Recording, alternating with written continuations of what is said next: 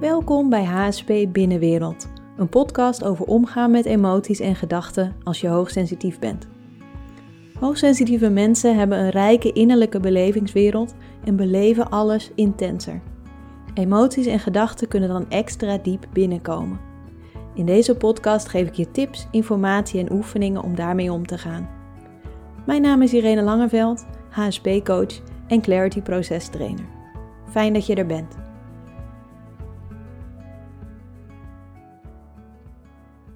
Vandaag wil ik het met je hebben over uit je hoofd komen.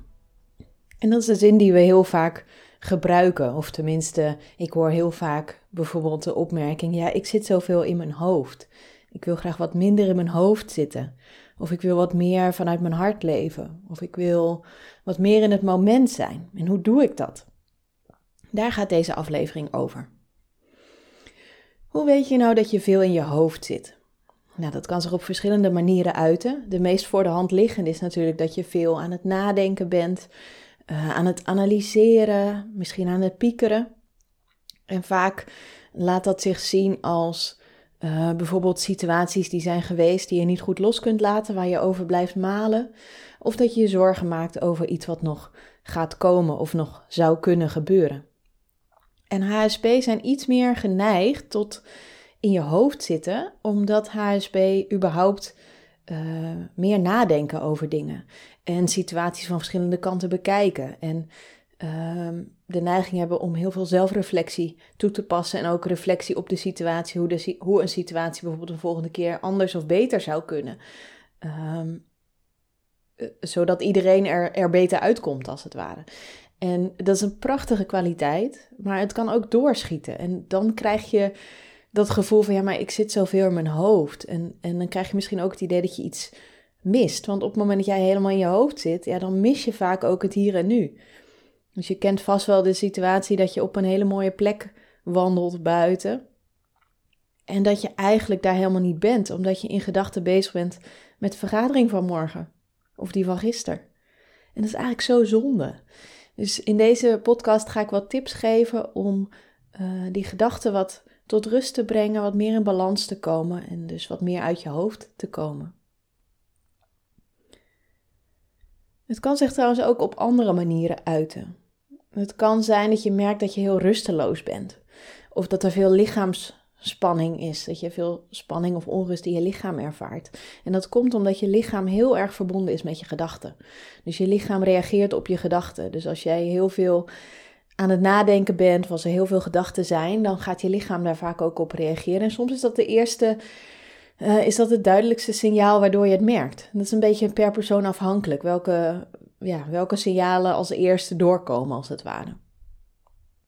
Nu is het zo dat gedachten meestal niet over dit moment gaan. Gedachten gaan meestal over iets wat al geweest is en waar je over blijft nadenken, over misschien wat je beter had kunnen doen of anders had kunnen doen, of dat je boos bent over wat iemand gedaan heeft of gezegd heeft of niet gedaan heeft.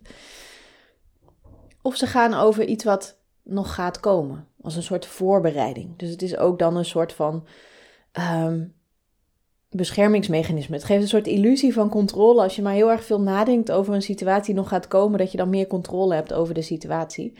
En in zekere zin kun je natuurlijk wel enigszins voorbereiden, maar heel vaak schiet dat enorm door en heeft het eigenlijk helemaal geen functie meer, maar weten we gewoon niet hoe we uit dat hamsterwiel van het hoofd kunnen komen. En wat er dan ook nog vaak gebeurt, is dat als je merkt dat je in je hoofd zit, en um, ik vergelijk dat wel vaker met een hamster die dan in zo'n hamsterwiel draait en die gedachten die blijven maar draaien en draaien en draaien en draaien, die hamster blijft maar rennen. En wat er dan heel vaak gebeurt, is dat we dan ook nog dat gaan veroordelen. En daarmee creëer je eigenlijk een tweede hamster naast die eerste. En die gaat tegen die eerste lopen roepen dat hij stil moet zijn. Of dat hij rustig moet doen. Of dat hij moet ophouden met al dat gedenk. Nou, dat werkt natuurlijk niet. Dus op het moment dat er ook nog oordelen bij komen, dan komt er een extra laag bij. Dan ga je vechten en dan wordt het eigenlijk alleen maar drukker. Dus dat is niet de weg om eruit te komen. Dus de eerste tip die ik je kan geven is om juist te verbinden met de acceptatie. Dit is wat het is nu. Ik zit in mijn hoofd. Of er is iets gebeurd wat ik moeilijk los kan laten. Of ik maak me zorgen over wat er nog gaat komen. Dat is het. Het is er al, dus je kunt het beter accepteren en dan stappen zetten om daar weer uit te komen, dan dat je gaat vechten tegen iets wat er eigenlijk al is. En er zijn verschillende ingangen waarmee je uh, uit je hoofd kunt komen. Je kunt het van verschillende kanten insteken. En de eerste manier is om te onderzoeken waar die gedachten over gaan, waar je je zorgen over maakt. En daarmee geef je een soort erkenning aan wat er in jouw denkwereld leeft. En alleen dat al kan rust geven. En dat kun je doen door jezelf bijvoorbeeld af te vragen: hé, hey, waar, waar maak ik me zorgen over? En wat is daar zo erg aan? Stel dat dat gebeurt, wat is daar zo erg aan? Welke zorg zit eronder, als het ware? En dan kijk je of je tot de kern kan komen. Dus dan vraag je als het ware door. Je doet een soort vraaggesprekje met jezelf. Het kan ook zijn dat er gewoon uh, verschillende soorten zorgen aan die situatie hangen. En wat mij dan vaak heel erg helpt, is om die gewoon even in kaart te brengen. Waar maak ik me zorgen over? Oh, ik maak me zorgen daar en daarover. Waar maak ik me nog meer zorgen over? Ik maak me ook zorgen dat dit en dit kan gebeuren. En dan ga ik net zo lang door totdat ik niks meer kan verzinnen. En dat geeft ja, een zekere afstand en een zekere rust in mijn systeem. Dus ik zou zeggen, probeer het eens uit. Misschien werkt het voor jou ook. En dat is een van de manieren waarop je uit je hoofd kunt komen. Is als het ware erkennen wat er gebeurt in die gedachtenwereld en het wat meer onderzoeken. Wat er nou precies zo dwars zit. En dat geeft wat afstand. Het zorgt er soms ook voor dat je je wat minder ermee gaat identificeren. En het geeft erkenning en dat kan ook al een stukje rust geven. En de andere manier om uit je hoofd te komen is juist om de andere kant te voeden. Dus ik zei net al dat als je in je hoofd zit, dat je dan vaak het hier en nu mist. Ehm, het is ook vaak zo dat als je heel erg in je hoofd zit, dat je dan niet zo goed meer contact hebt met je lichaam. En die twee uh, ankertjes kun je gebruiken om uh, ja, meer uit je hoofd te komen. Om dat denken een beetje tot rust te laten komen. Of om zelf wat meer afstand tot die gedachten te creëren. Dus de eerste mogelijkheid die je hebt is om heel bewust te verbinden met je lichaam. Want dat heeft een direct effect op je gedachten. En je kunt bijvoorbeeld een bodyscan meditatie doen, maar je kunt het ook gewoon heel simpel houden. Namelijk gewoon eventjes je adem voelen en je adem verdiepen, zodat hij naar je onderbuik gaat. En gewoon even één of twee of drie ademhalingen eventjes bij je adem zijn. En daarmee maak je een soort knip, een soort pauze in die gedachtenstroom. Betekent niet dat die helemaal stilvalt, maar er komt vaak wel iets meer rust. En zeker als je je adem kunt verdiepen, dat geeft een signaal aan je denken dat je eigenlijk veilig bent. En uh, zoals we ook een loopje kunnen hebben waarbij we ons heel erg zorgen maken, het lichaam heel erg veel spanning creëert. En dat geeft weer een signaal aan het denken dat er echt een probleem is, waardoor de gedachten nog sterker worden en het lichaam nog meer gaat reageren, kun je ook dat loopje als het ware omkeren en beginnen bij je adem verdiepen. Kijken of je je lichaam een beetje kunt ontspannen. En dat heeft een effect op je denken. Je kunt ook de grondingsmeditatie doen, die vind je op mijn website. En er zijn vast nog veel meer grondingsmeditaties te vinden op het internet. En in die meditatie verbind je ook met je lichaam. Dat is eigenlijk het allerbelangrijkste. Een andere manier om dat hoofd wat tot rust te brengen, dat denken wat tot rust te brengen, is om je zintuigen te gebruiken. De, gebruik je eigenlijk ook je lichaam, want je zintuigen zijn natuurlijk deel van je lichaam. Maar ehm, kijk eens of je heel bewust kunt verbinden met je zintuig, met wat je waarneemt via je zintuigen. En dat is een soort tegenhanger van al die zorgen in het hoofd. Want zoals ik al zei, die zorgen gaan bijna altijd over verleden of toekomst. En niet over wat er nu werkelijk is. En wat je dan kunt doen is bijvoorbeeld heel bewust om je heen kijken en benoemen wat je ziet. En daarbij is het het makkelijkst om te focussen op voorwerpen of bijvoorbeeld natuur. En niet op andere mensen. Dus als je dit in de trein doet, dan zou ik niet andere mensen benoemen. Want ons denken is juist heel erg gefocust op andere mensen en wat die doen en wat die van ons vinden. Dus daarmee kun je juist weer allerlei gedachten aanzetten. Maar focus dan bijvoorbeeld op uh, de kleur van de stoel voor je. Of de blauwe lucht buiten. Of de wolken. Dat wat je waarneemt via je ogen. Je kunt ook waarnemen via je oren. Dus welke geluiden hoor je? En als het heel druk is in een trein, is dat misschien niet de beste ingang, omdat veel HSP ook last kunnen hebben van geluid. Maar als je in een rustigere situatie bent, misschien kun je wel de vogels horen fluiten. Of de wind door de bomen horen ruisen. Of de verwarming horen. En een ander zintuig wat je makkelijk in kunt zetten is het voelen. En daarmee bedoel ik niet uh, je emoties voelen, maar voelen met je huid. Dus bijvoorbeeld, je kunt als je in de trein zit, de stoel onder je voelen. Of uh, je voeten in je schoenen.